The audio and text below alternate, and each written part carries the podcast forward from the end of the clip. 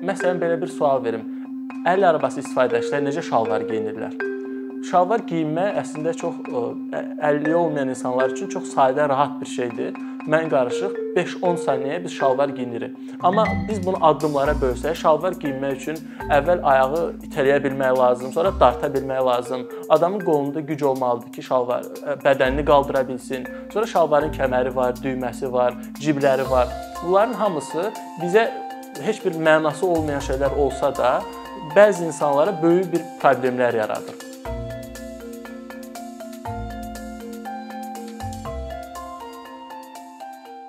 Azərbaycanda əlilliyi olan şəxslərin çoxlu problemləri var. Onlardan ən öndə olanı infrastruktur problemidir.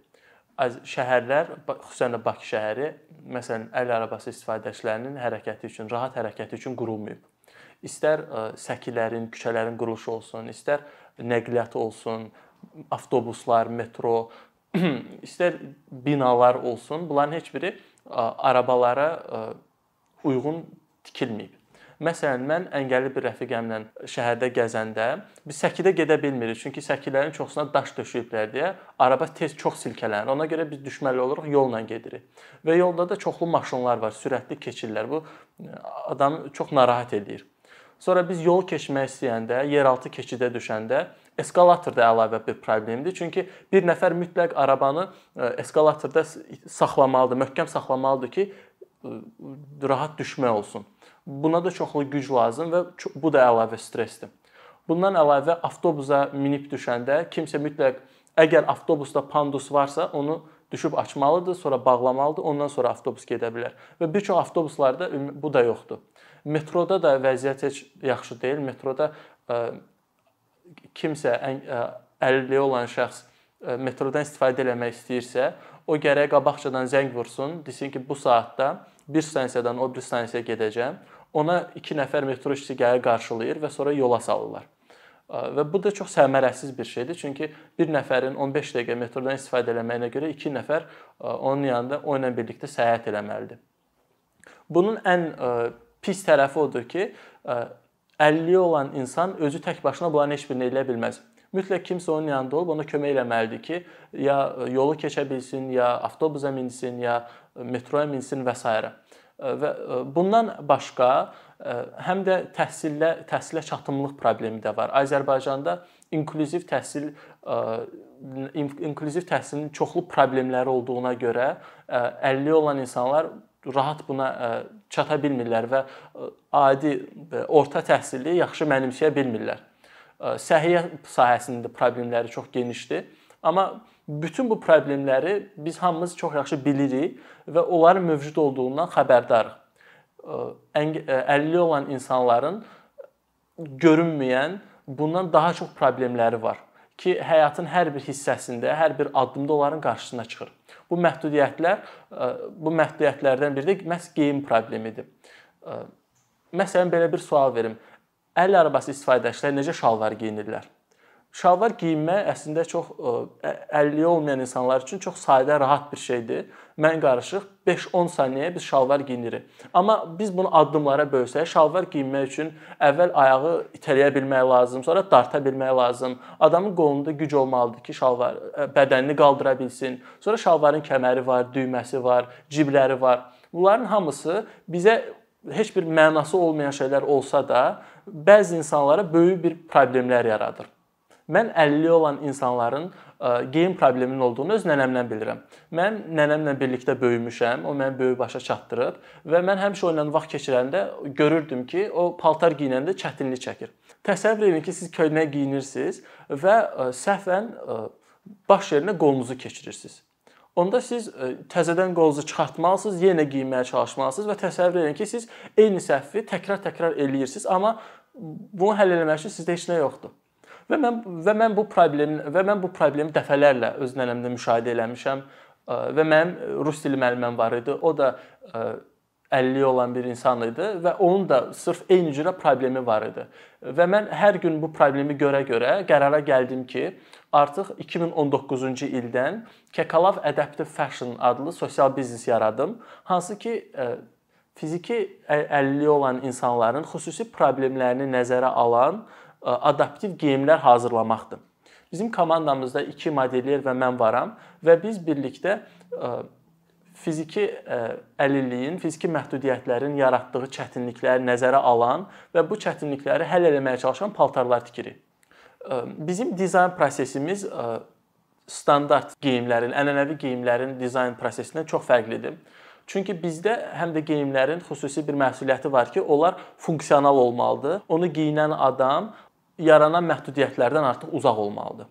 Və bu bunu tapmaq, bu həmin bu həll yollarını tapmaq rahat deyil. Biz əvvəl hədəf kütləmizlə danışırıq və biz onlara bu sualları veririk ki, sizin necə problemləriniz var? Biz onu başa düşəndən sonra artıq e, eskizləri çəkirik və fikirləşməyə çalışırıq ki, əgər məndə belə bir e, əlillik olsaydı, mən bunu geyinə bilərdim yoxsa yox? Və bu dizayn mənə kömək edə bilərdi yoxsa yox? Bunu biləndən sonra artıq biz seçirik, düzəldirik və sonra bunu veririk dərziyə. Dərzi bir sayda bu geyimi hazırlayır və biz xahiş eləyirik həmin o hədəf kütləsində olan, bizim fokus qruplarda iştirak edən insanlar onu geyinirlər və bəlkə 1 gün, 2 gün həmin paltarda vaxt keçirirlər və onlar artıq bilirlər ki, bu geyim onların hansı çətinliklərini həll eləyir və ya hansı çətinliklərini həll eləmir.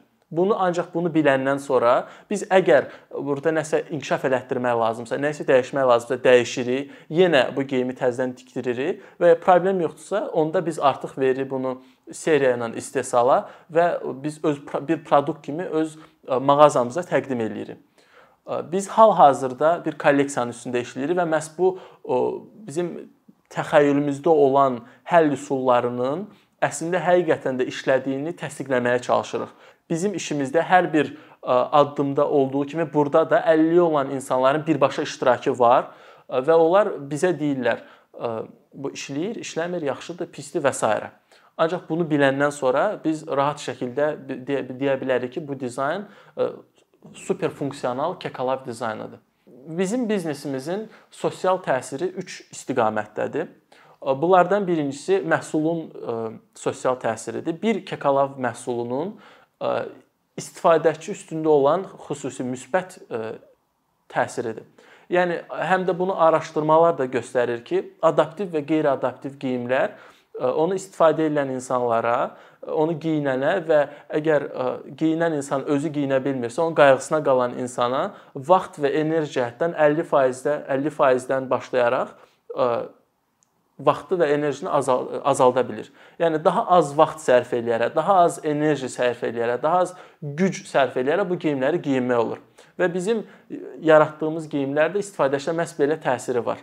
Bundan başqa bizim geyim sənayesində də sosial təsirimiz var. Geyim bu sənayedə olan dərzilər, dizaynerlər, modelyerlər, brendlər, zavodlar hamısı artıq başa düşür ki, standart paltarlar, ənənəvi paltarlar əlilliyi olan şəxslərin bir çox problemlərini həll edə bilmir.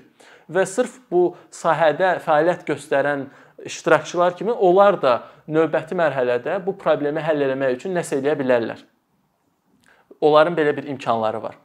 Üçüncü isə bizim e, kültürel, yəni mədəni təsirimizdir ki, cəmiyyətdə dəb sənayesindən kənarda e, olan insanlar da məhz e, əlilliyi olan insanların belə geyim problemi kimi görünməz bir problemin olduğunu başa düşürlər və e, bizim həmin problemi həll etməyə çalışdığımızı görürlər. Ki bu da e, əlilliyi olan icmanın e, digər problemlərini də həm işıqlandıra bilir, həm də onların problemlərinin həll olunmasına, təkcə geyim yox, bütün problemlərin həll olunmasına, inklüziv və müəssər bir cəmiyyətin yaranmasına öz töhfəsini verir. Kekalavın məqsədi adaptiv dizayn vasitəsilə elə bir mühit yaratmaqdır ki, burada istifadəçilər öz potensiallarını ən yüksəyə çatdırmaq üçün çox rahat olsunlar. Biz hamımız razılaşarıq ki, adam əyninə narahat olduğu geyimləri geyinəndə o heç nə eləyə bilmir, fikirləşə bilmir ya da rahat olmur bir insanın yaxşı yaşaması üçün, xoşbəxt olması üçün onun rahat olmağı lazımdır və adam narahat geyim geyinirsə, onun bədəninin xüsusi tələblərini başa düşməyən geyim geyinirsə, o rahat olmayacaq və onda böyük problemlər yaranacaq. Biz məhz bu problemi həll eləyirik. Adaptiv dizaynın xüsusi xüsusiyyətlərindən biri də odur ki, bu çox spesifikdir. Hər əlilliyin özünə uyğun tələbləri var və bu tələblərə uyğun da müxtəlif cür paltarlar hazırlana bilər. Biz adaptiv geyimlər hazırlayanda nəzərə almağa çalışırıq ki, məsələn, bir araba istifadəçisi həmin arabanı müxtəlif səbəblərə görə istifadə edə bilər. Və bu səbəblərin dediyim kimi müxtəlif cürə tələbləri ola bilər. Biz çalışırıq ki, bizim hazırladığımız paltarlar bu tələblərin böyük əksəriyyətinə cavab verə bilsin. Amma bu sırf araba istifadəçiləri üçün spesifikdir və şalvarlar məsələn onların bədəninin aşağısında olan problemlərə uyğun olur. Və hazırladığımız köynəklər onların məsələn onlar üçün spesifik olur. Lakin kimisə skalyozu varsa, onun üçün hazırlanan köynək ayrı cür olacaq. Çünki onların ehtiyacları tamamilə fərqlidir.